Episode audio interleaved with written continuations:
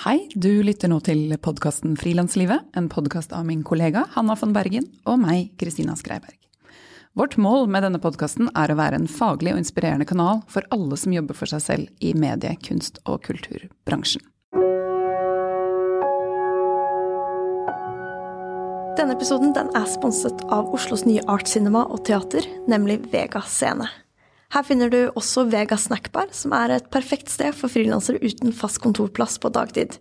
Hver måned frem til sommeren kårer Vega, i samarbeid med oss i Frilanslivet, månedens frilanser. I tillegg til gratis kaffe en hel måned, så får månedens frilansere også to kinobilletter, en teaterbillett og litt annet fint stæsj fra huset. Gå inn på Frilanslivet sin Instagram, se innlegg om Vega-scene. Det er lilla, så du må kanskje scrolle litt for å finne det. Tagg deg selv eller noen andre i kommentarfeltet. Månedens frilanser trekkes i begynnelsen av hver måned og kontaktes i Insta-innboksen.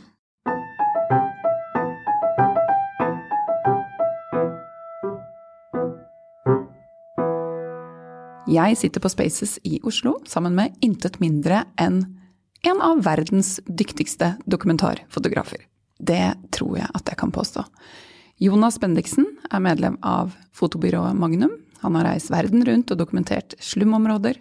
Han har truffet mennesker som mener de er Jesus. Han har stilt ut til inn- og utland og vunnet mange prestisjetunge fotopriser. Jonas er 41 år gammel, han har tre barn og bor på Nesodden utenfor Oslo. Hei, Jonas. Hallo, hallo. Takk for at du sitter her sammen med meg. Nydelig. Du, jeg lurer på om vi kan eh, ta det litt sånn fra begynnelsen. Om du kan fortelle litt om den tiden da du var 19 år, dro til London for å jobbe som intern hos Magnum. Om å koke kaffe og løpe til posten og alt det der. Hva ga det deg? Hvordan var den tiden?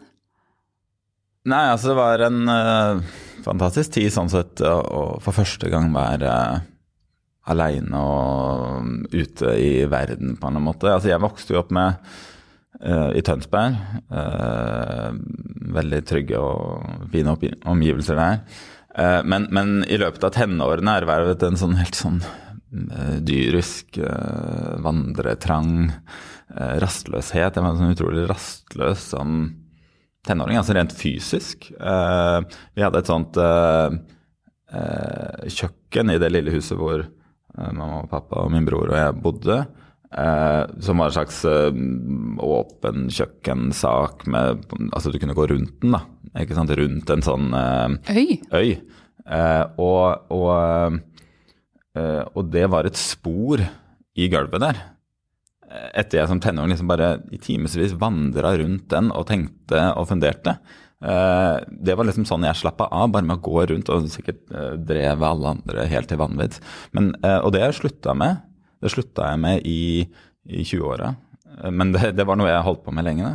Uh, men det er vel Og det ser jeg på som sånn bilde på at liksom den, den, trangen til å, å, vandre, den rastløsheten, den, den, på en måte ga seg på et eller annet tidspunkt. Da Den ble metta eller fikk utløp på en eller annen måte. Men på den tida så var jeg liksom sånn Jeg klarte ikke å sitte helt stille. da, og, og eh, så når jeg var Og så begynte jeg å fotografere sånn som hobby i tenårene, 14-15 år, eller et eller annet som fant et kamera, uh, fatterns kamera i, i, skapet, og så begynte jeg med det. Og så tok det liksom plutselig ganske fort overhånd, og ble veldig fascinert av det. Og fikk bygd, ja, fatter'n bygde et uh, mørkerom på, på, på badet hjemme, og liksom begynte med det og sto der og holdt på å framkalle, og ble på en måte spist opp av den magien som, som det var. Og, så, så når jeg var ferdig med videregående, så uh, så jeg tok liksom aldri det valget, egentlig. Sånn hva skal jeg bli når jeg blir stor? Det ble mer sånn ja, Hva gjør jeg nå? Skal jeg finne meg noe annet å drive med, eller skal jeg fortsette med det greiene her som på en måte jeg holder på med hele tiden allikevel? Og så var jo det det mest naturlige for meg. Og så da, så jeg var 18, så, så, så dro jeg fra Norge og hadde funnet en sånn liten sånn fotoskole som holdt i Bristol langt egentlig utafor Bristol. En sånn liten anonym sak som lå rett ved siden av Rolls-Royce-fabrikken, altså i sånn industriområde, hvor de hadde et slags ettårig fotokurs. Men eh, det som jeg la merke til eh, Jeg husker ikke hvordan jeg fant den infoen, men det var én av elevene fra den eh, skolen fikk da liksom slags automatisk en sånn internship-post på Magnum-kontoret, kontoret til Magnum Photos i London, eh, som, som på en måte valgte ut av det kullet. da. Eh, så jeg bestemte meg ok, det, det eh, blir min vei. da, Det jeg har lyst til å gjøre. Jeg tenker at liksom det å, å få et år på Magnum-kontoret, mm, det blir min utdanning. Så da gikk jeg på en måte det skoleløpet bare for å få tak i den plassen. Da. Du kan si Jeg ble jeg oppdaga jo fotografi, dokumentarfotografi litt gjennom Altså ma mange fotografer uh, som jeg fant i bøker på biblioteket i Tønsberg, og, og, litt sånn i butikker og, og sånn jeg oppdaga fotografiet. Det var jo liksom pre-internett, så man er jeg. Uh, men mange av de som på en måte traff en nerve hos meg, var en del av de var Magnum-fotografer. Eh, så det var liksom slags store helter for meg allerede som 15-16 år. Så, så, den plassen ville jeg ha, på en måte. Så, så når jeg faktisk eh, ble tilbudt den, så, så, var jo liksom det en slags eh, en, en drøm. Når jeg står i, nå, nå, om dagen, så innimellom har jeg liksom workshops eller underviser elever et eller annet sted, og så prøver jeg liksom å oversette min vei inn i denne mm, såkalte businessen å gjøre det på en måte overførbart til han Altså det er jo veldig sånn logikk, og det er jo ikke noe lurt. Det er mye ting jeg har gjort som ikke er lurt uh, i min vei uh, hit. så det er på en måte jeg lurer på at skal jeg, rå, skal jeg gi råd om å gjøre det på den måten her? Det er jo, det er jo kjempedumt å gjøre det på den måten her. det fører jo bare til usikkerhet og katastrofe. Uh, så på en måte Ja, men sånn, sånn ble det nå. Ja. Men rådet kan jo kanskje være å klore seg fast, da. Altså, for det er jo ja, en veldig er... god egenskap som frilanser. Ja, ja jeg er ganske sta i hvert fall. Ja. Uh, for meg sjøl. Og, og, og, det året uh, på det Magnum-kontoret, altså det var jo på en måte i den tiden hvor altså, igjen, Det var rett før digitale revolusjonen kom til hele den bransjen, så da var det jo liksom Magnum er jo både et agentur og et ark arkiv. ikke sant? Så liksom Når Sunday Times av, trengte et bilde av Tony Blair, så ringer de til disse byråene, ikke sant? disse arkivene, og spør har dere et bilde av Tony Blair på telefonen. Og så går man da til reolen hvor det står eh, engelske politikere, portretter, eh, fargekode gul 07. Og så finner man den pappboksen, og så henter man ut tre-fire printer av forskjellige bilder av Tony Blair som står og så sendes det ut i en konvolutt. ikke sant? Sånn var det jo. Eh, en av mine jobber da var jo å, å, å ta denne, disse bildene som kom i retur fra magasinene og putte de tilbake inn i disse boksene. Så da på en måte i løpet av det året jeg tilbrakte der, så lærte jeg jo hele dette arkivet å kjenne på fingerspissene. Jeg visste jo, jeg kjente jo på en måte hele dette bildet av hundretusenvis av bilder. Uh, så, og så egentlig bare lage kaffe og bli jaga rundt i postkontor og, og, den slags. Det var jo helt uh, lavest på rangstigen der. og, men, men jeg lærte utrolig mye bare gjennom osmose, da, på en eller annen måte. Bare se åssen er det de egentlig snakker med kunden på telefonen. Åssen er det de egentlig Når fotografene kommer vimsende gjennom kontoret, hvor har de vært, og hva sier de om turen? Liksom. Det var bare på det planet. Og det var uten tvil liksom, det som var min utdanning. Selv om det, det er jo ikke noe formell utdanning, men jeg lærte sinnssykt mye. Uh, så, That's så, it, eller? Ja da. Uh, så, så på en måte etter det så Eh, en del av liksom den Man fikk Jeg overlevde jo i London på 250 pund pluss et uh, sånn uh, undergrunnskort i måneden i det året. Så det var ikke akkurat uh, lukrativ sak. Jeg bodde langt på Åkrevoll, borti liksom på utkanten av det T-banekartet. Men en del av liksom gulroten der var at disse ettårs intern Eh, folkene de fikk et slags lite stipend fra Magnum på slutten av det, på 5000 pund, som de kunne liksom gå ut og lage sin første reportasje med. da. Det var en del av liksom dealen, og, det, og, og, og, da tenkte jeg ok, det, skal, det blir liksom sånn jeg skal komme i gang. da. Eh, så, så, etter jeg gikk ut av den døra første gang på fra den uh, praktikantstillingen, så, så, på en måte har jeg vært frilansfotograf. da. Som du var 20, da? Ja, 19. 19. Ja. Mm. Så, så, det er jo et stort sjokk for meg, eh, som jeg oppdaga eh, for ikke så lenge siden. at Dæven, jeg har holdt på med dette i over 20 år, liksom. Og hvis jeg ser tilbake på erfaringene, opplevelsene og liksom følelsen av tid, så føles det kanskje ut som ti år, ville jeg anslått. Da, men, men, men, 20 år, det er, liksom, det er faktisk litt tid, da. men, eh, men eh, ja, men, men, det er jo på en måte Sånn det føles for meg, så har jeg vært på en måte Jeg har jo på en måte vært frilansfotograf så lenge jeg kan huske. Jeg har jo aldri egentlig vært noe annet. Jeg har aldri hatt noen jobb. Eh, bortsett fra når jeg var eh, sånn 15-16-17, så jobba jeg tok billetter på Tønsberg kino eh, på helgekvelder, liksom. og noen sobbejobber. Eh, jeg har aldri hatt noe annen inn, måte in, inntektsbringende virksomhet enn det, så jeg på en måte Eh, jeg kjenner jo ingen, ikke noe annet. Eh, eh, så det er på en måte hele min referanse i hvordan man beveger seg gjennom livet, er jo forbundet med liksom denne geskjeften. på en måte. Men disse 5000 pund, de, er det de pengene du, du, du dro til eh, Russland med? Ja, ja, så uh, I løpet av det året så måtte jeg fundere på okay, hva, hva skal jeg gjøre med disse pengene, hvor skal jeg dra? Og som sagt, jeg var jo pumpa full av en slags uh, rastløshet og liksom behov for å ta og føle på denne verden. Da. Og i løpet av året så ble det helt klart for meg at jeg måtte til Russland. Uh, og det er jo en lang historie, det òg. Uh, altså, disse podkastepisodene er jo ikke så lange. men, uh, men altså, det var en slags nøsting, en familiehistorie der, da. Kort fortalt så Min mor er fra New York, mm, amerikansk, men bor i Tønsberg. da, så Kom hit for 45 år siden.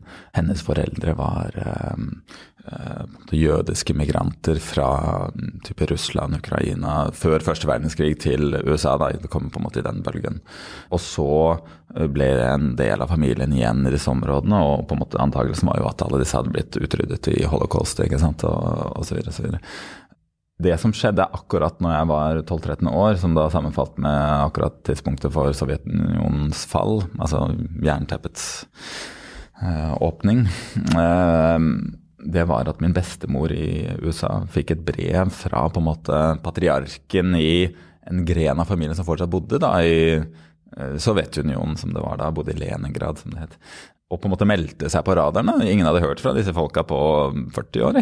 Ingen visste at de eksisterte. Vi, det var jo helt atskilt, ikke sant. Og så ble det en korrespondanse mellom på en måte vår gren av familien og den sovjetiske grenen av familien. Og mamma, pappa og bestemor dro til Leningrad og besøkte dem. Og så var det jo midt oppi denne kollapsen, ikke sant? fullt av kaos og mye usikkerhet. Skulle det bli borgerkrig eller ikke, osv. Og, så videre, og, og på en måte klimaet for på den jødiske samfunnet følte seg utsatt, osv. Og, så videre, og så og så ble dette liksom den store, store snakkisen ved middagsbordet. ikke sant? Hva, hvordan går det med familien nå? Og så var det liksom et arbeid for å hjelpe de til å emigrere til USA, de også, osv. Og, så og, og dette var noe som liksom virkelig åpna mine øyne opp på en helt Altså Det var på en måte kanskje en av de måte, viktigste hendelsene sånn sett i min barndom, ja, barndom og tenår. Det skjæringspunktet da, man begynner å se verden med voksne øyne for første gang. ikke sant? Og så, og så får man servert på bordet at på måte, min egen familie, som var liksom egentlig jeg følte var jo bare en, en, liten familie i utkanten av Tønsberg. Eh, ok, jeg hadde jo riktignok liksom en amerikansk gren av det som vi tilbrakte hver sommer i USA osv. Men, men alle sammen var jo liksom en slags mm, ja, For det første jo alle, var alle sammen psykologer, type middelklasse, akademikere. liksom En, en viss snever, snever bit av samfunnet som føltes veldig trygg og på en måte enkel å forholde seg til. Så ble hele den familien min på en måte kasta inn i selve sluttspillet av den kalde krigen. Da, for, og, det var liksom to helt parallelle universer som kolliderte da, liksom i disse samtalene av middagsbordet. hvor Ok, vi hadde denne delen som jeg kjente til av min familie, men så var det den andre delen. Og, og patriarken, da, Vladimir, som på en måte var han som skrev brevet, eh, han, han hadde jo tilbrakt uh, eh, 20 år som kaptein på en sovjetisk atomubåt basert i Vladivostok. ikke sant? Så det var jo liksom Kaboom! Så var liksom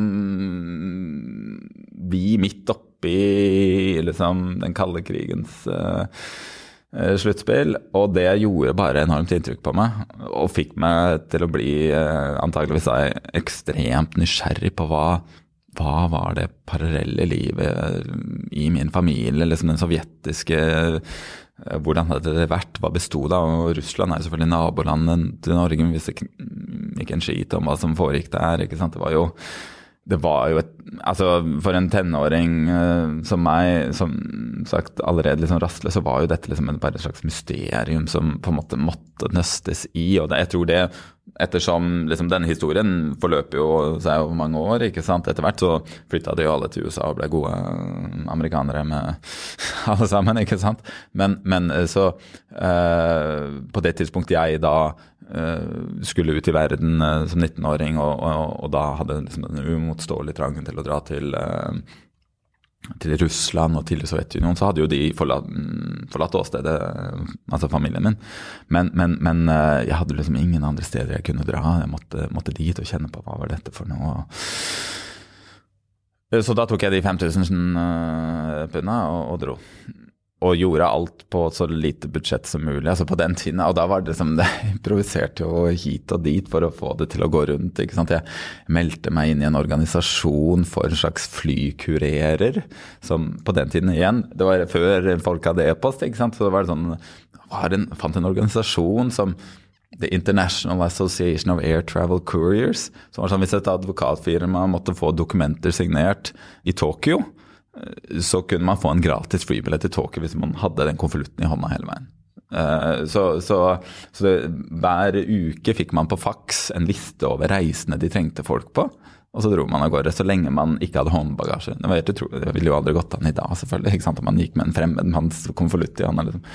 Eh, men, men jeg dro gratis av gårde til eh, Tokyo, fikk en billett, og så tok jeg ferge til Vladivostok, og så full rulle. Og det var liksom virkelig da det var jo Jeg ser jo tilbake på den tiden som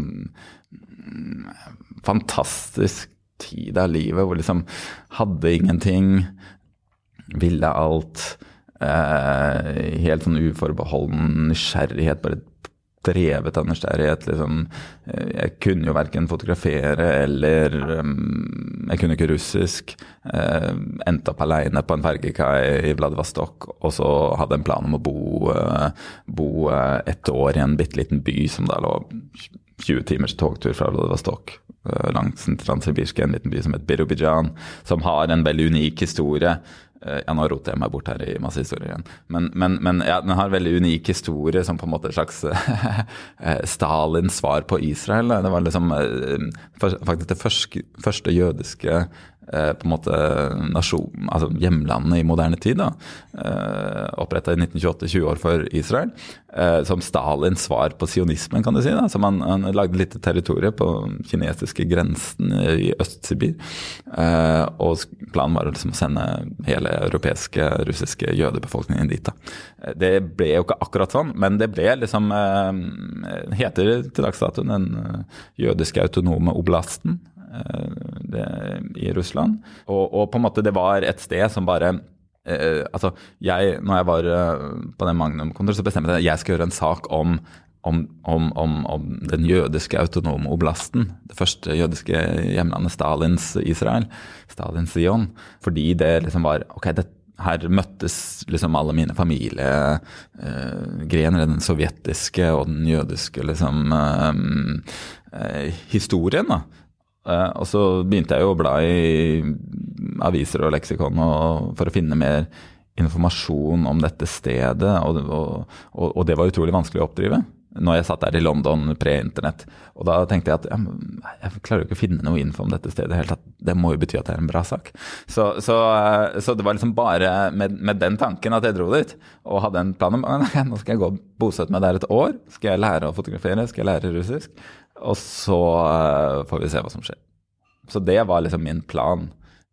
Jeg sitter og måper litt, jeg. Det er mange tanker jeg får nå. Eh, du er jo veldig historieinteressert, eller? Eller bare uh, ja. er det Russland som Nei, nei, men altså Jeg pleier jo å si til folk at og, og, det er kanskje litt flåsete, men, men jeg tror det er sant på et eller annet plan. Da, at jeg er ikke egentlig så himla interessert i fotografi. Altså jeg har jo hyller fulle av fotobøker og, og, ser jo på det, selvfølgelig. Men det er ikke det som trigger meg. Det er ikke det som får meg opp av morgenen. Når jeg har et nytt prosjekt, så er det ikke fordi jeg tenker at fy fader, der blir det fett å ta bilder. Jeg tenker aldri den tanken. Jeg tenker aldri på at liksom å, jeg har lyst til å gå og, og, og, ta bilder av den tingen, eller liksom, og der er det fine motiver. Altså, jeg, aldri slått meg. Jeg tenker, altså Det som får meg til å liksom bli helt gal, det er liksom ah, Det er en sjukt bra historie. Det får meg opp om morgenen. Og jeg liksom eh, Eller det er en spennende idé. Eller dette er en fantastisk mulighet til å utforske en ting jeg lurer på. Det jeg, blir jeg gæren av. Men, men, og der er det kult å ta bilder. Eh, det, det er helt flatt for meg. Helt flatt. Så på en måte, det er jo noe jeg har lært med tida, for det skjønte jeg jo ikke eh, til å begynne med. Heldigvis var det jo sånn at jeg eh, i den perioden lot meg overmanne av den nysgjerrigheten. Og derfor dro og fulgte den tingen istedenfor kanskje å gjøre alt det riktige. Det er liksom, jeg, vet ikke Altså, Jeg vet ikke hva som er riktig, men liksom gå frilans et eller annet sted eller lære av noen som er flinke, eller et eller annet sånt noe. Men jeg hadde liksom ikke tid til det, for jeg, jeg var så fordømt nysgjerrig på liksom åssen er det der. Eh, og, og, dette er en spennende historie, og her får jeg lære litt om, om på en måte denne historien. Men du var jo en litt sånn spesiell 19-20-åring, eh, da. Altså Jeg bare tenker sånn Hvordan du klarte å bare ja, du var vel så innmari nysgjerrig, da. Men at det skulle du, mens andre kanskje vet ikke hva man gjør når man er 1920. Men ja, men jeg, jeg, jeg, jeg tror eh, Ja, jeg, jeg, jeg rastløsheten. Jeg ville liksom bort fra alt. Jeg ville bort fra alt jeg kjente, på en eller annen måte. da. Og jeg var veldig sånn, sikkert utrolig irriterende type. Eh, litt sånn demonstrativt sådan. Skulle jo aldri tilbake til Norge, skulle forlate alt. Liksom, skulle ikke ha noe eiendel, skulle ingenting. og og det ikke sant, Møter jeg sånne folk i dag, så syns jeg sikkert det er kjempeirriterende. ikke sant? Men sånn var det nå, og det var liksom det ungdommens privilegium på en måte å være sånn helt uforbeholden.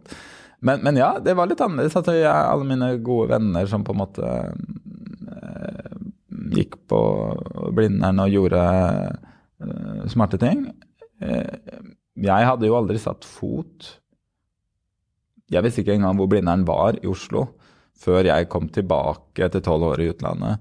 Altså jeg hadde jo vært i Norge på ferie og sånn, men jeg bodde tolv år sammenhengende i utlandet. Uh, I 2007 så returnerte jeg på en måte hit, og det var første gang jeg uh, så på kartet og fant ut hvor Blindern var, liksom. Eller, og, og, og, på en måte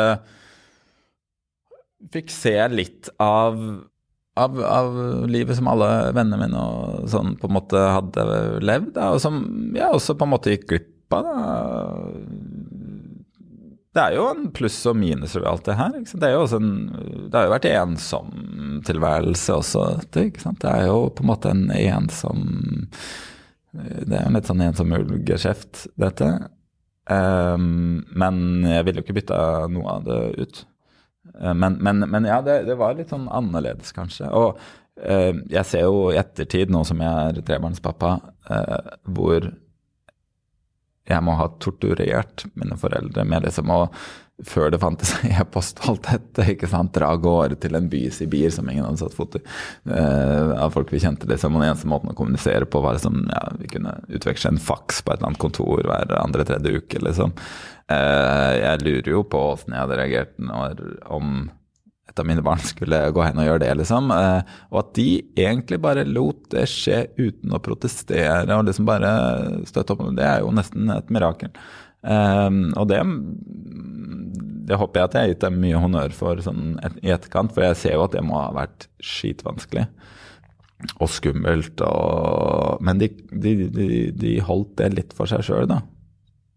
Ikke det at jeg følte at de ikke brydde seg, men, men mer sånn at de de skjønte at det var liksom ingen annen vei for meg å liksom få utløp for dette på. Uh, så det, det, det, må jeg si, det imponerer meg på en måte i dag, da. Og da jeg var 19, så reiste jeg Da ville jeg til Guatemala og reise rundt og, i sånn fire måneder. Det var også sånn før uh, mobiltelefoner og hadde noe skjedd, så hadde jo ingen visst hvor jeg var, eller jeg ringte sånn fra en telefonkiosk jeg fant, eller der det var mulig å ringe, kanskje en gang i måneden. Og mamma sov ikke på fire måneder, og sånn var det bare. Ja, sånn var det, vel før. Så var det jo før. Folk før, dro ja. til sjøs. 15-åringer dro til sjøs og var borte i to år, liksom. Altså, og det var jo liksom vanlig før, da. Og folk var jo kanskje vant med det. Nå er jo det en vanskeligere og vanskeligere tanke. ikke sant? Jo mer avhengig vi er av duppeditten og kommunikasjonen og, og få tommel opp hele tiden og, og høre hvert sekund åssen det går med alle andre. Eh, det er jo en veldig fremmed tanke, men, men det er jo ikke lenge siden det var helt normalt. Jeg kjenner en fyr som er i Kina og jobber, og moren har sånn tracking på han på Hun kan se hvor han er på mobiltelefonen for å se at han liksom er safe, da. Ja, ikke sant? Så Ja. var det noe helt annet. Ja, ja, ja. Ja. Ja. Følelsen av å måtte ha kontroll. Mm. Mm. Da du var eh, 27, så ble du tatt opp eh, som medlem av Magnum. Stemmer? Mm, Ja. mm. Eh, hvordan var det å bli en del av dette måte, internasjonale miljøet, og hva har det betydd for eh, ja, din videre karriere? Nei, altså Magnum har jo øh, Det er jo sånn i livet mitt så har jo Magnum betydd utrolig mye. Det er det jo ingen tvil om. Også, altså det har igjen Mange av mine tidlige helter i fotografiet, det var jo Magnum-fotografer. Og, og igjen, det er fordi det var sterke historiefortellere. Ikke sant? Og sam, sammen med liksom fantastiske enkeltbilder, selvfølgelig. Men det var liksom det, fotografer med et enormt engasjement for å liksom fortelle historie eller utforske en eller annen problematikk eller mm, sette søkelys på et spørsmål. Og, og da ende opp i denne internship-posten som liksom min utdanning og koke kaffe der. Og være en del av systemet var liksom en stor inspirasjon. Og så da. Men så hadde jeg jo ingen mer kontakt med de etter det. Um, men det var jo selvfølgelig en drøm for meg å, en gang tørre å søke søke meg dit. Eh, så, så Magnum, har Magnum er jo veldig mye rart, veldig mye forskjellig på en og samme tid. En- de, Magnum fyller jo på en måte nesten alle rollene på et eller annet vis som man kan fundere seg fram til. Det er jo et agentur et, som, som kan gå liksom og jakte jobber på våre vegne. Magnum er en relativt stor organisasjon. Det er fire kontorer rundt i verden. Det er 50-60 ansatte rundt omkring. Altså ikke fotografene, eh, men staben.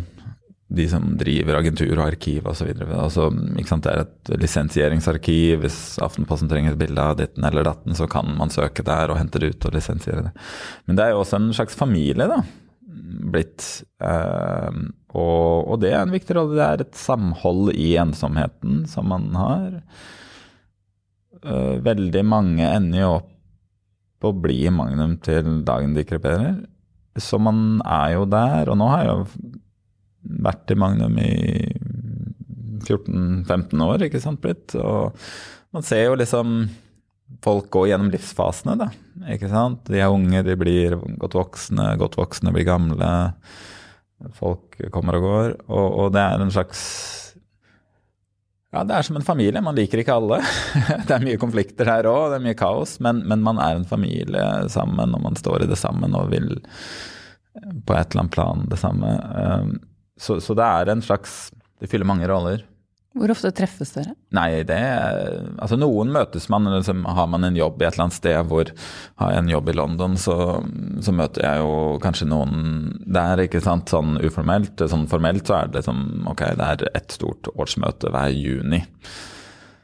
Eh, hvor eh, store spørsmål diskuteres, man evaluerer om det skal være nye medlemmer eller ikke. Også, altså jeg sitter i styret også, så jeg har liksom en slags styremøteplikt noen ganger i året ellers. Og så har vi litt sånn retreats hvor man liksom en gang i året møtes for å prøve å unngå å snakke business, men heller snakke ideer og se på bilder og prøve å adskille disse tinga. Eh, så nei, så det, det, er, det er jo ikke ofte.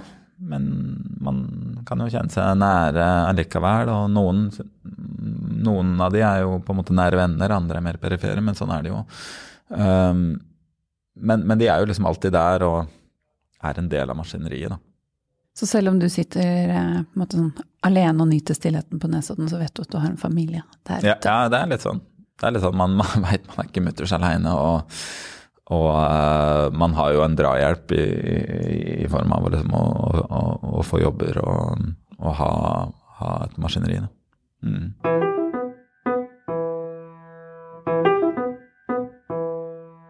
Ikke du fortelle litt om det prosjektet Jakten på Jesus, holdt jeg på å si? Det er ikke det det heter, men Ja, det, det siste testamentet. Ja. Ja. Uh, som alle andre prosjekter uh, som, som er gode, for å si det sånn, så, uh, så Så kom det ut av en slags kanskje livslang fascinasjon med tro og religion. Eh, som kanskje liksom har blitt oppildna de siste ti åra, da. Eh, For dere som ikke kjenner prosjektet, eh, så har du da reist rundt og besøkt syv forskjellige mennesker rundt om i verden som mener at de er den gjenvendte Jesus. Ja. med selve Messias Ja. tilbake, slik som det er forespeila på slutten av Nytestamentet, at Jesus etter å ha steget opp til, til himmelen, skal jo komme tilbake ved, ved tidens ende. Og, og de hevder da å være eh, ikke bare denne Messias, men også at vi da på en måte er ved tidens ende. Og at de er på en måte nøkkelfiguren da i å bringe menneskeheten da videre inn i Guds rike osv. Så, Nei, så, så, så det var jo på en måte en, en, en, en slags gyllen mulighet for meg til å utforske hva er tro? Eh, hva kan man tro på? Eh, hvordan kjennes det å tro? Eh, altså, jeg er ikke vokst opp med tro. Pappa ateist fra mm, Nord-Norge. Mamma av jødisk herkomst, men hele, hele gjengen på en måte mm, ja, ateister, mm, så godt som. Eh, eller langtkomne agnostikere.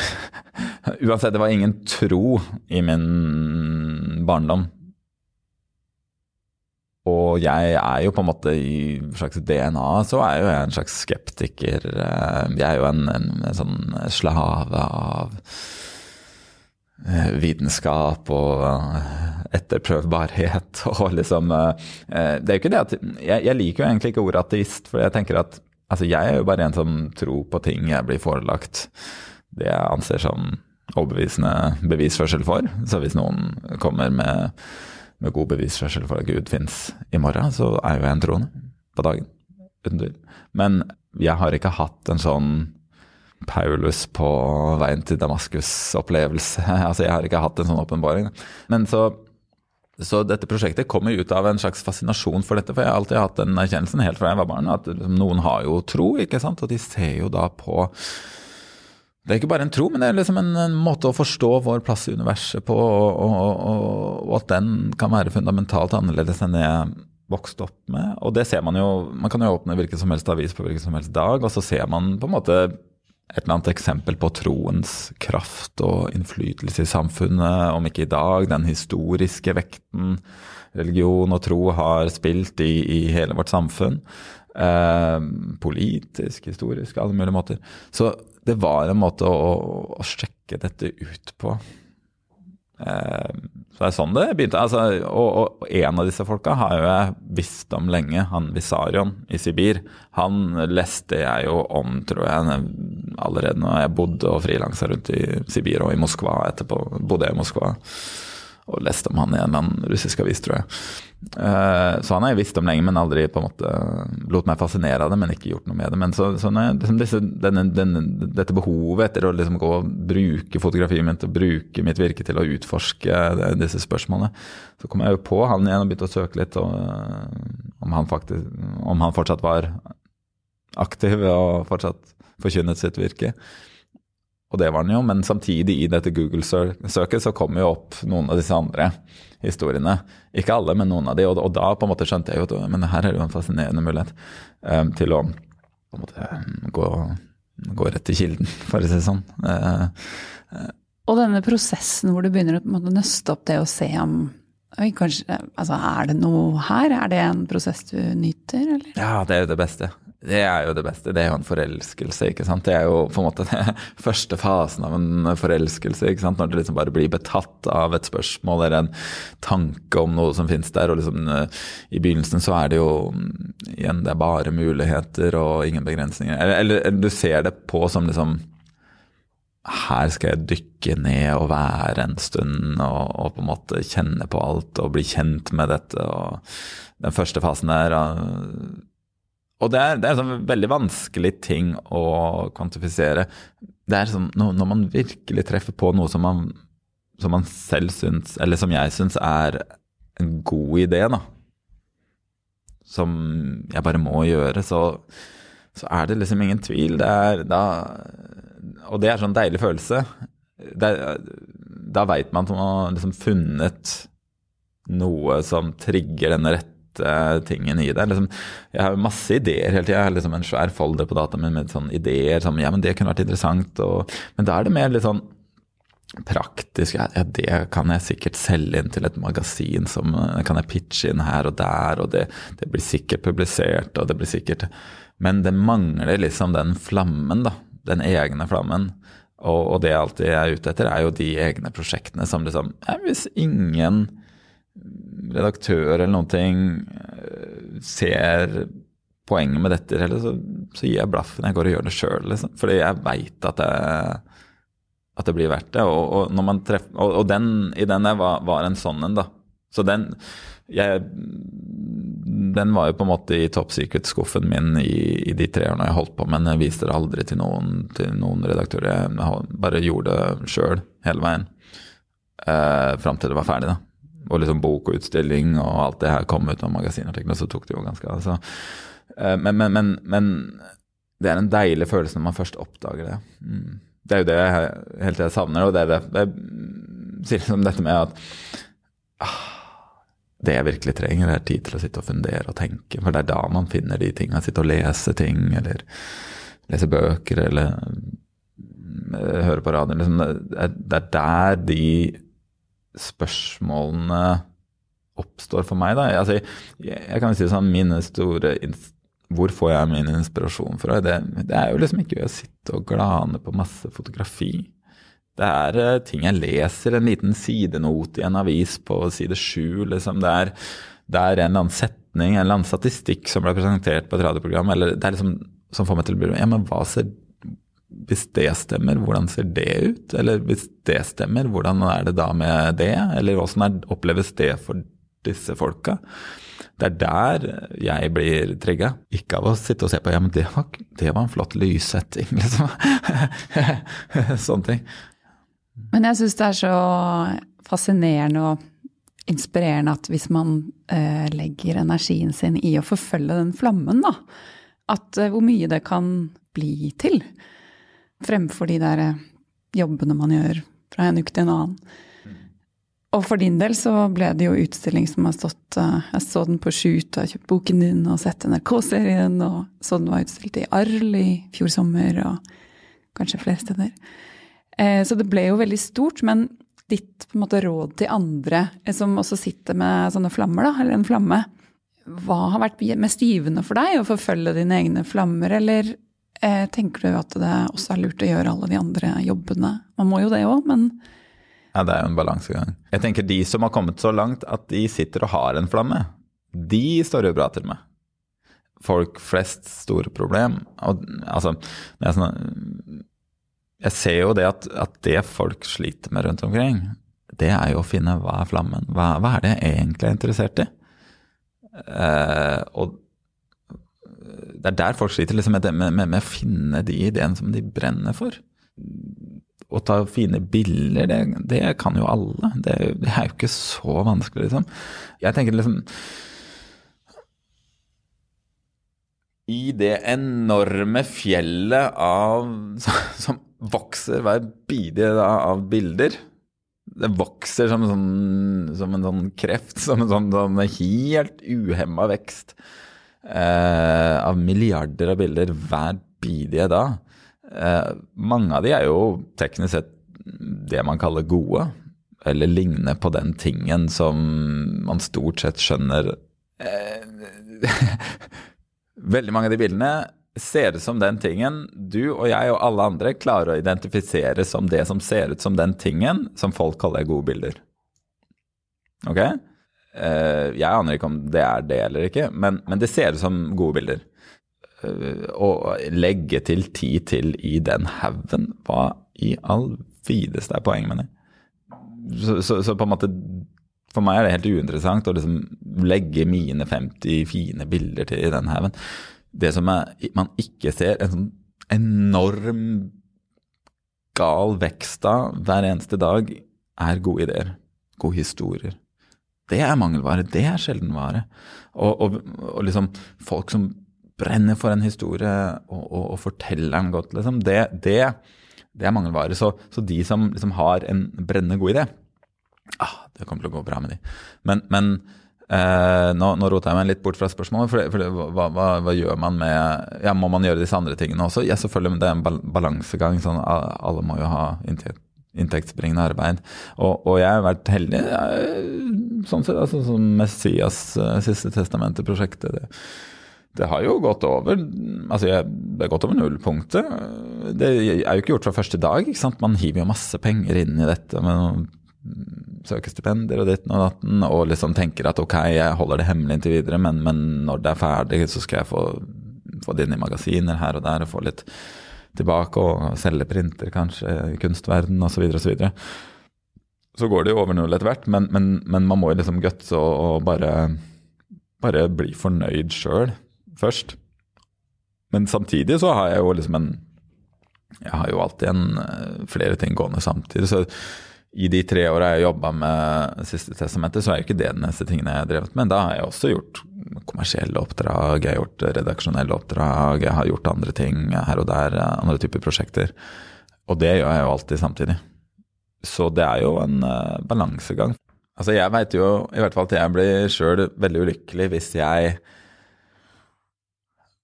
bare holder på med bestillingsverk og oppdrag og Jeg må helt til jeg har liksom hvert fall én ting som bare er min. Da er jeg glad. Da, da, kan jeg liksom med letthet gjøre alle disse andre tingene, for da veit jeg at ok, dette er for, for, andre, dette er for huslån, dette er for å eh, holde livet gående. Men så har jeg denne godbiten jeg kan sitte og kose meg med. Og, og har jeg det, så er jeg, er jeg fornøyd. Men, men, men det er liksom når jeg blir stressa, det er når jeg ikke har Når jeg er liksom mellom sånne ideer, da. Hvor er du nå? Jobber du videre med Jesus-prosjektet, sånn å få det ut i verden og sånn, eller har du en ny flamme gående, eller ja, har du et sånt hulrom? nei, jeg er, ehm, jeg, Det er jo fortsatt mye etterarbeid med Siste sementet. Det er jo å manøvrere denne utstillingen rundt omkring, og det er masse jobb med det og alt sånt. Men på en måte, det er jo den fasen av det. Men, men jeg har øh, en ny øh, liten sak som jeg koser meg med uh, som kommer til å ta litt tid. Som er snåle greier. Men jeg koser meg med det. så, så jeg, jeg, er glad. Jeg er glad. Jeg er fornøyd. Man burde jo egentlig hatt en egen dag i uka hvor man kan sitte seg ned og, og bare høre på podkast. Det hadde vært helt nydelig. Absolutt. Så, men, uh, Tror du du hadde fått noe igjen for å ha den dagen, sånn faglig eller personlig? Nei, jeg hadde fått enormt igjen av det. Altså, mitt hovedproblem er jo at jeg har altfor lite tid til å, å, å, sitte og lese eller sitte og tenke. De tingene er jo gjerne forbundet med hverandre. Eh, og så altså, Så mye av dagene går på sekretærarbeid og liksom uh, vedlikehold av geskjeften og, og prøve å komme sånn a jour med fjellet av innkomne forespørsler og e-poster og grave i arkivet og hente ting ut og sende til den og den. Og liksom hver enkelt av de tingene er jo liksom ikke en stor greie, men, men jeg merker at, uh, at, at ukene liksom forsvinner, og jeg har liksom egentlig ikke fått gjort mye. Eller jeg, på en måte, når jeg sier gjort mye, så mener jeg liksom ting som bringer en videre. Da, liksom i, eh, og jeg tenker at det, det, som er mangelvare for meg, er, er det å bare sitte og tenke sitte og fundere på ting. Det er det som liksom eh, Også, også sånn rent sånn eh, praktisk, eh, jobbmessig, til og med sånn inntektsmessig, så, så, er det det som hadde vært aller best for meg, er å sitte og fundere på ting jeg lurer på. Og, og, og, og sånn, Derfor tror jeg ja, en dag bare sitte og lese og høre på podkast. det tror jeg hadde fått enormt ut av. Hvis jeg hadde hatt tid til å liksom da sitte og fundere på det etterpå.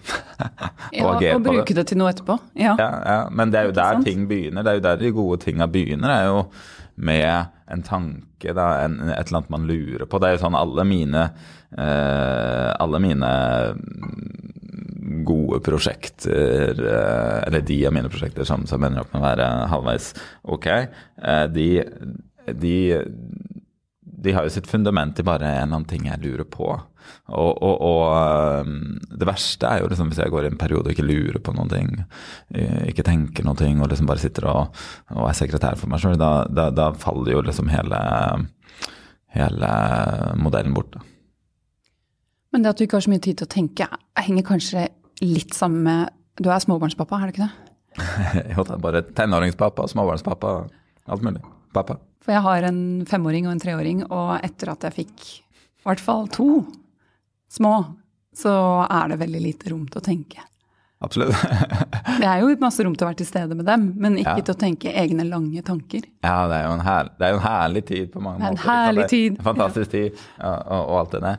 Eh, men samtidig så er det sånn at liksom, eh, hver eneste dag så er jo eh, et av mine favorittøyeblikk er når Anna og barna eh, sykler av gårde, og jeg lukker den døra og skjenker den andre koppen med kaffe og går ned i mannehulen eh, hvor jeg holder til, Jeg vet. og setter meg der aleine og sitter og bare lar tankene vandre litt. Det, det er det beste en av de aller beste tingene jeg vet. Eh, og jeg elsker å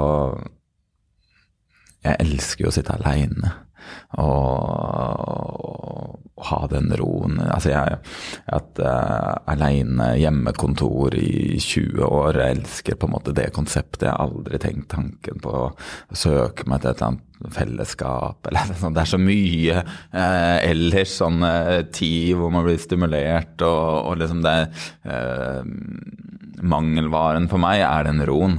Så det å liksom bare lukke den døra og bare være for meg sjøl, ah, det er så deilig. Men jeg merker at Og jeg veit ikke det, om det er fordi liksom, jeg sitter i denne fasen som liksom, småbarnspappa, og det er liksom vanskelig å få den roen og ha liksom alt det gående, og det er liksom slags mye Det er jo herlig som det er, så er det jo på en måte mye støy utenom og mye energi som brukes utenom liksom bare mitt virke, da, ikke sant. Ehm, og jeg merker jo at jeg sjøl liksom er litt i endring på, på mitt eget arbeid i forhold til uh, hvordan jeg sjøl Hvordan kan jeg si det? Når jeg var i 20-åra, så var jo bare det å dra ut der og gjøre oppdrag for et eller annet svært magasin, sant? Time eller National Geographic eller liksom VG eller hva nå det var for noe. Det var liksom en stor glede i seg sjøl. Eller jeg fikk liksom kick av det, ikke sant. Å se det bildet i magasinet. Og, og det var en herlig følelse og en bekreftelse, og, og det var alle disse tinga. Eh, og nå er det liksom Det er, helt, det er liksom flata ut. Jeg får det ikke lenger. Jeg, på en måte, jeg, jeg kan gjøre de jobbene. Jeg veit åssen det gjøres. Jeg veit åssen jeg skal gjøre en bra journalistisk story, liksom. Jeg har jo vært i det gamet lenge, men jeg har mista litt piffen. Eh, så når det er et sånt oppdrag som jeg liksom ikke helt brenner for sjøl, så, så, så sliter jeg med det på en annen måte. Mista appetitten litt. Eh, og det er noe som liksom jeg funderer mye på. Hva, hva betyr det? Er det bare fordi jeg liksom egentlig er litt sånn sliten fordi jeg har så mye annet gående i livet liksom, og, og små barn? Liksom. Uh, eller, eller er det liksom en Jeg ser på hele dokumentarfotografiet, fotojournalistikken, litt annerledes enn jeg gjorde før, da. Uh, og det er jo noe litt sånn trist i Eller jeg tar meg sjøl liksom og tenker ja, og, Hvorfor har jeg ikke den driven på det lenger? Er det trist, eller er det en bra ting? Liksom, er det på tide å liksom sjokke systemet mitt litt og ikke jage så mye etter de bitene lenger? Eller er det bare en forbigående fase? At jeg returnerer til det om fem år og sier at nå har jeg lyst til å liksom, drive masse magasinjobbing igjen. Det kan godt hende, jeg, tror jeg må stille meg helt åpen til det, men jeg merker at akkurat nå så kjennes det litt annerledes ut. Og det er kanskje fordi også man ser at Én ting er jo økonomien i hele liksom, redaksjonelle jobbinga er jo litt annerledes nå enn det var før, men det er også det at um, jeg vet ikke, jeg ser på liksom alle disse malene vi har jobba etter så lenge. det er liksom så, Disse malene irriterer meg litt.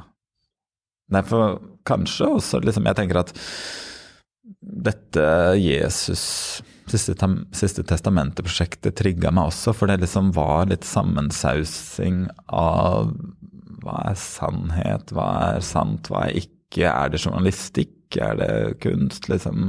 Jeg har jo alltid stått med en fot i alle disse forskjellige Altså, jeg har jo alltid motsatt meg spørsmålet som jeg av og til får, da. Hva er det jeg driver med? Er det journalistikk? Er det kunst? Er det, hva er det for noe? Og jeg tenker at mange av ting jeg alltid har gjort, er en slags står midt imellom et eller annet sted, da. Ok, det er kanskje produsert på samme måte man produserer journalistikk på, men det er, er, det det? Altså, en, gang, en, dag er det i avisa, neste dag står det på et kunstgalleri, og det, det, endrer jo på en måte arbeidet hvor man ser det. Og jeg liker ikke de skillene. Eh, jeg er alltid motsatt med de, for jeg tenker at godt fotografi, det på en måte transcenderer, kan man si det? Transcenderer alle de skillene, da. Det er på en måte det, det opphører seg over de skillene. Det kan være alt på en gang. Og, og, og jeg tenker på meg sjøl bare som en fotograf. Eller en slags historieforteller, og så kan andre putte det i disse boksene om det er det ene eller det andre. Men eh, Men eh, ja, jeg merker en slags jeg merker en slags sult i meg sjøl nå på å utfordre meg sjøl litt på liksom gangen i hvordan jeg alltid laga prosjekter, da. I malen jeg har fulgt. At jeg tror kanskje det er sunt å ikke tviholde på det framgangsmåten jeg alltid har hatt. Så jeg, jeg, leker litt sånn med litt sånne ideer, og det er, det er viktig at man er ærlig på det òg, da. For er det en ting jeg liker, så er det på en måte ærlig fotografi på en måte. Da. Det, det, det, er det jeg snakker om. Sånn, er det bra foto eller ikke? Syns jeg er vanskeligere og vanskeligere. Er han flink fotograf eller ikke? Jeg syns det er vanskeligere og vanskeligere å svare på et sånt spørsmål. Og det er jo igjen pga. dette fordømte berget med bilder vi blir bombardert med hele tida. Hva er godt foto? Jeg veit veldig godt hva Igjen, jeg veit veldig godt hva den tingen ser ut som, som ser ut som det vi alle kan gjenkjenne som det som ligner på det vi tradisjonelt har kalt godt fotografi. Men jeg er så utrolig usikker på om det er noe bra lenger. Liksom. Det, det, det, er lett å lage. Laga på sjablong. Eh, berører det eller ikke? Vekker det noen interessante spørsmål eller ikke? Det er liksom mer på det planet jeg er interessert nå om dagen. Da fikk det til, meg til å fundere på noe, fikk det meg til å reagere følelsesmessig. Det er godt foto, uansett åssen det liksom ser ut, om det er lagd proft eller ikke. Liksom, jeg, det, uh, Men når du sier utfordre fremgangsmåten din eller malen, tenker du både på dine personlige prosjekter og det, de oppdragene du gjør for andre? Ja, ja. Jeg, jeg, tror det. Ja, dette er jo liksom sånn som sitter og koker inni huet mitt. Det er jo ikke kommet ut som noen slags eh, ferdig oppskrift.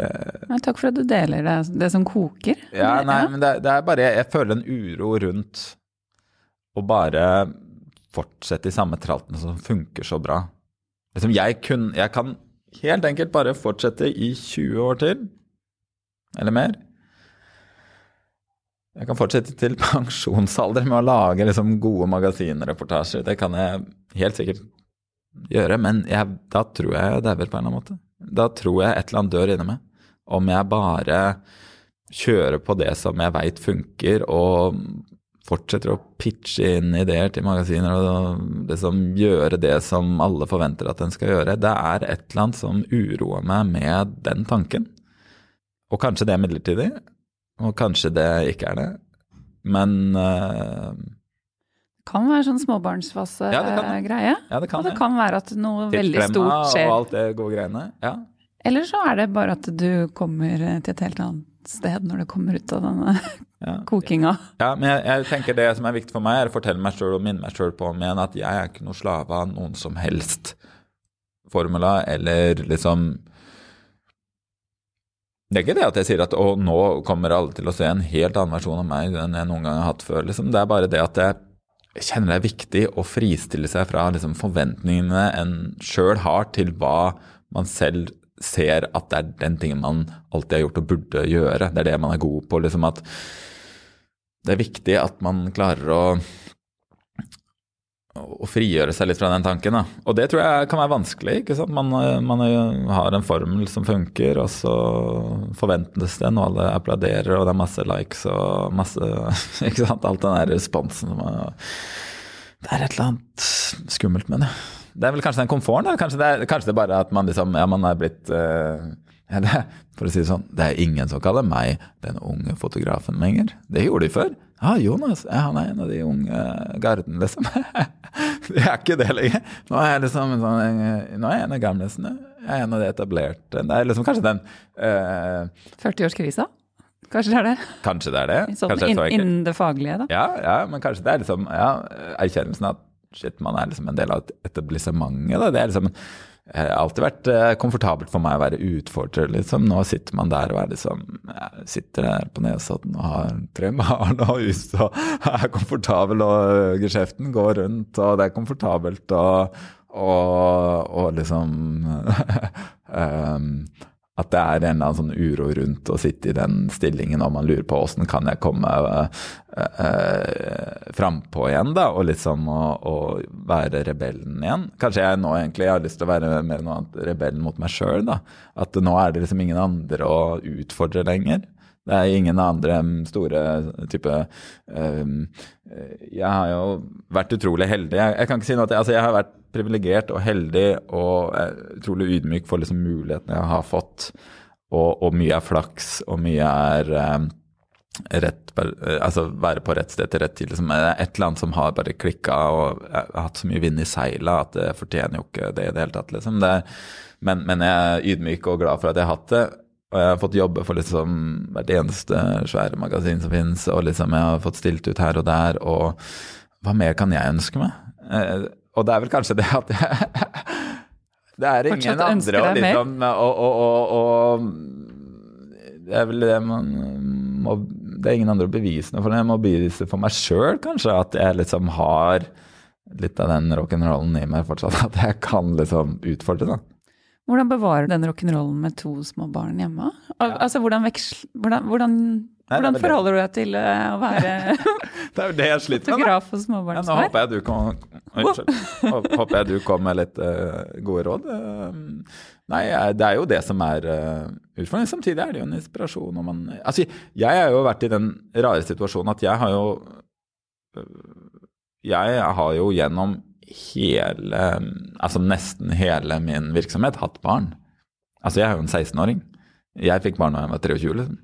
Så jeg hadde jo småbarn helt i startfasen, og jeg kjempa kampen om å få liksom frilansjobber helt i starten, liksom. Eh, Jeg fikk barn tidlig, eh, og, så, så, så det er ikke fremmed for meg. Så jeg har jo på en måte Men det var eh, en litt annen livssituasjon, og, og nå eh, Ja, hvordan beholder man den? Det er vel liksom det store spørsmålet.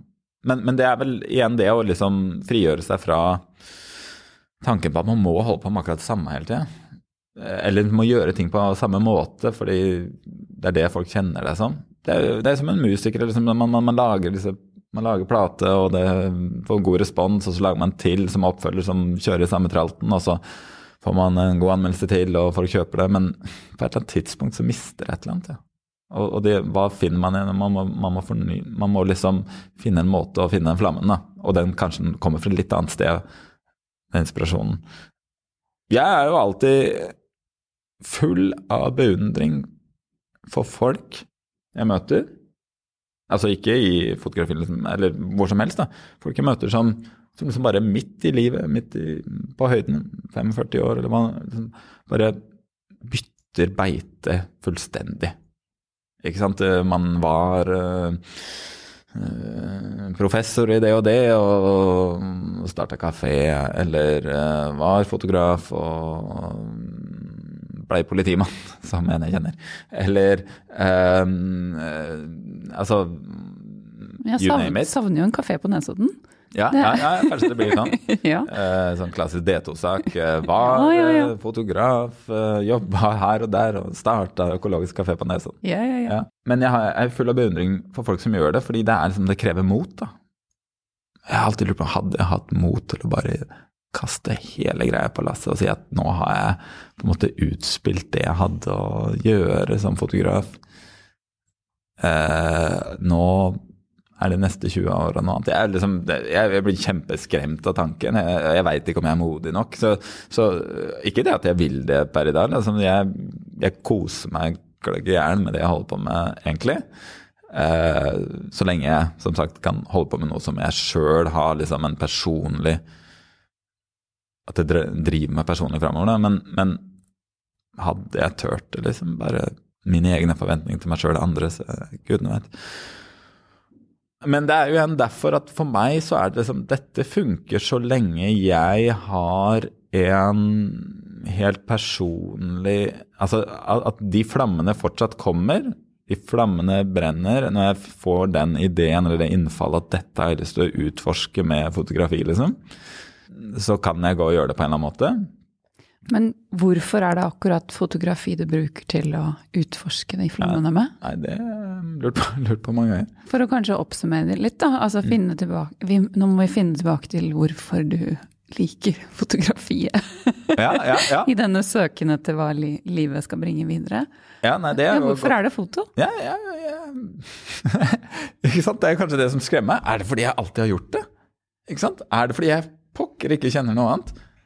Jeg har jo skrevet litt her og der i forbindelse med prosjekter og sånn, så liksom, og jeg har jo brukt masse andre jeg, har jo på en måte all, alle mulige lyd og multimedia, liksom, men det er jo alltid knytta opp mot liksom et skjelett av fotografi, da. Av disse prosjektene og installasjonene og sånn. Men ja, er, det er vel det jeg lurer på, da. Er det fordi jeg har aldri gjort noe annet? Ikke sant? Eller er det fordi det er bare fotografi? Det passer meg så godt. Og det er jo ting med å være fotograf som jeg elsker. Og det er jo det at man kan Jeg kan operere som et one man band.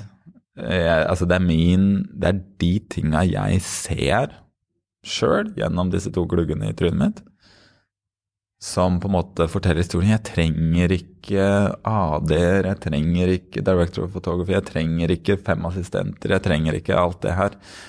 Det er liksom Hva klarer jeg å se? Og det er et eller annet sånn det, det er noe øyeåpnende Det har alltid vært noe øyeåpnende med liksom den tanken. Er liksom at det, det er en mye enklere tilværelse enn å drive med film eller alt mulig annet. Og det er jo Det er jo Altså, det har bare vist seg at jeg tydeligvis forstår verden veldig visuelt. Da. På en måte, det er på en måte sånn jeg får til å utforske de spørsmåla jeg er interessert i. De kommer som slags visuelle spørsmål. Da. Jeg må jo tydeligvis være en ganske visuell person, kan jeg jo si etter 20 år liksom, eh, og mer med dette. Så det er vel derfor Altså Så det fungerer. Og jeg sier jeg er ikke så interessert i fotografi, så er jo det en sånn, det er jo en sånn halvsannhet Jeg tror det er sant på en eller annen måte. At jeg er mye mindre interessert i fotografi enn enn veldig mange jeg kjenner, da. Men jeg er uhyre interessert i hva man kan gjøre med fotografi. Det er vel sånn jeg ser på det, da. Og jeg syns det er utrolig spennende å se hva andre kan gjøre med fotografi.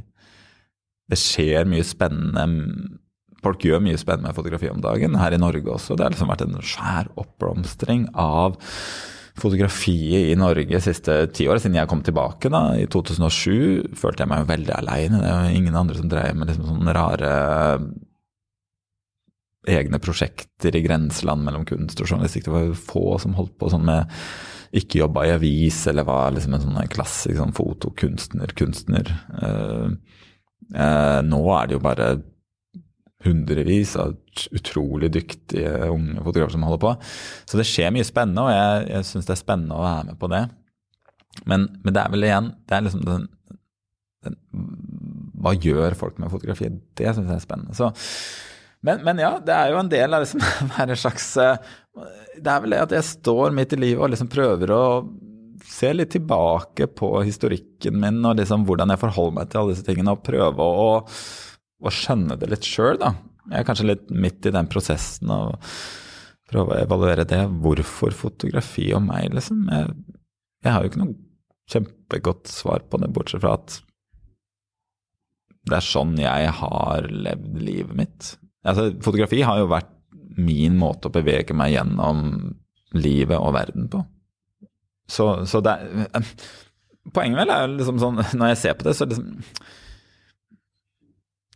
Eh, vi sitter jo her i noen som heter Frilanspodkasten. Nei, hva heter det? Frilanslivet. Ja. Mm. ja. Eh, jeg ser det ikke helt sånn ut ifra mine Altså, jeg, jeg kjenner ikke noe annet. Jeg, jeg, liksom, er jeg en frilans, eller liksom det er livet, liksom? Det, det, er, det er, livet. Det er, det er, litt mer sånn at det er min måte å bevege meg gjennom livet på. er dette relasjonen min til bilder. Så um, Jeg tror vi gir oss, jeg. Ja, ok. Fryktelig hyggelig. Veldig, veldig mm. hyggelig. Jeg, jeg syns det er så fint at du deler denne Noen ganger har man jo sånne tanker som ikke helt er ferdigtenkt, og bare veldig noen rått oppi der. Du, det koker, som du sa. Det er liksom ikke ferdig laga. Det er fint at du deler de tankene. Takk. Ja, det, er, det, er, masse mer under topplokket her som, som ikke deles. Jeg har liksom sånn top secret-skuff, den, den, deler jeg ikke med. Nei, det er greit. Men det er lærerikt å høre om litt, litt av de. Ja. Tusen takk. Tusen takk til Grafill, Kulturetaten og Fritt Ord for støtte til denne podkasten.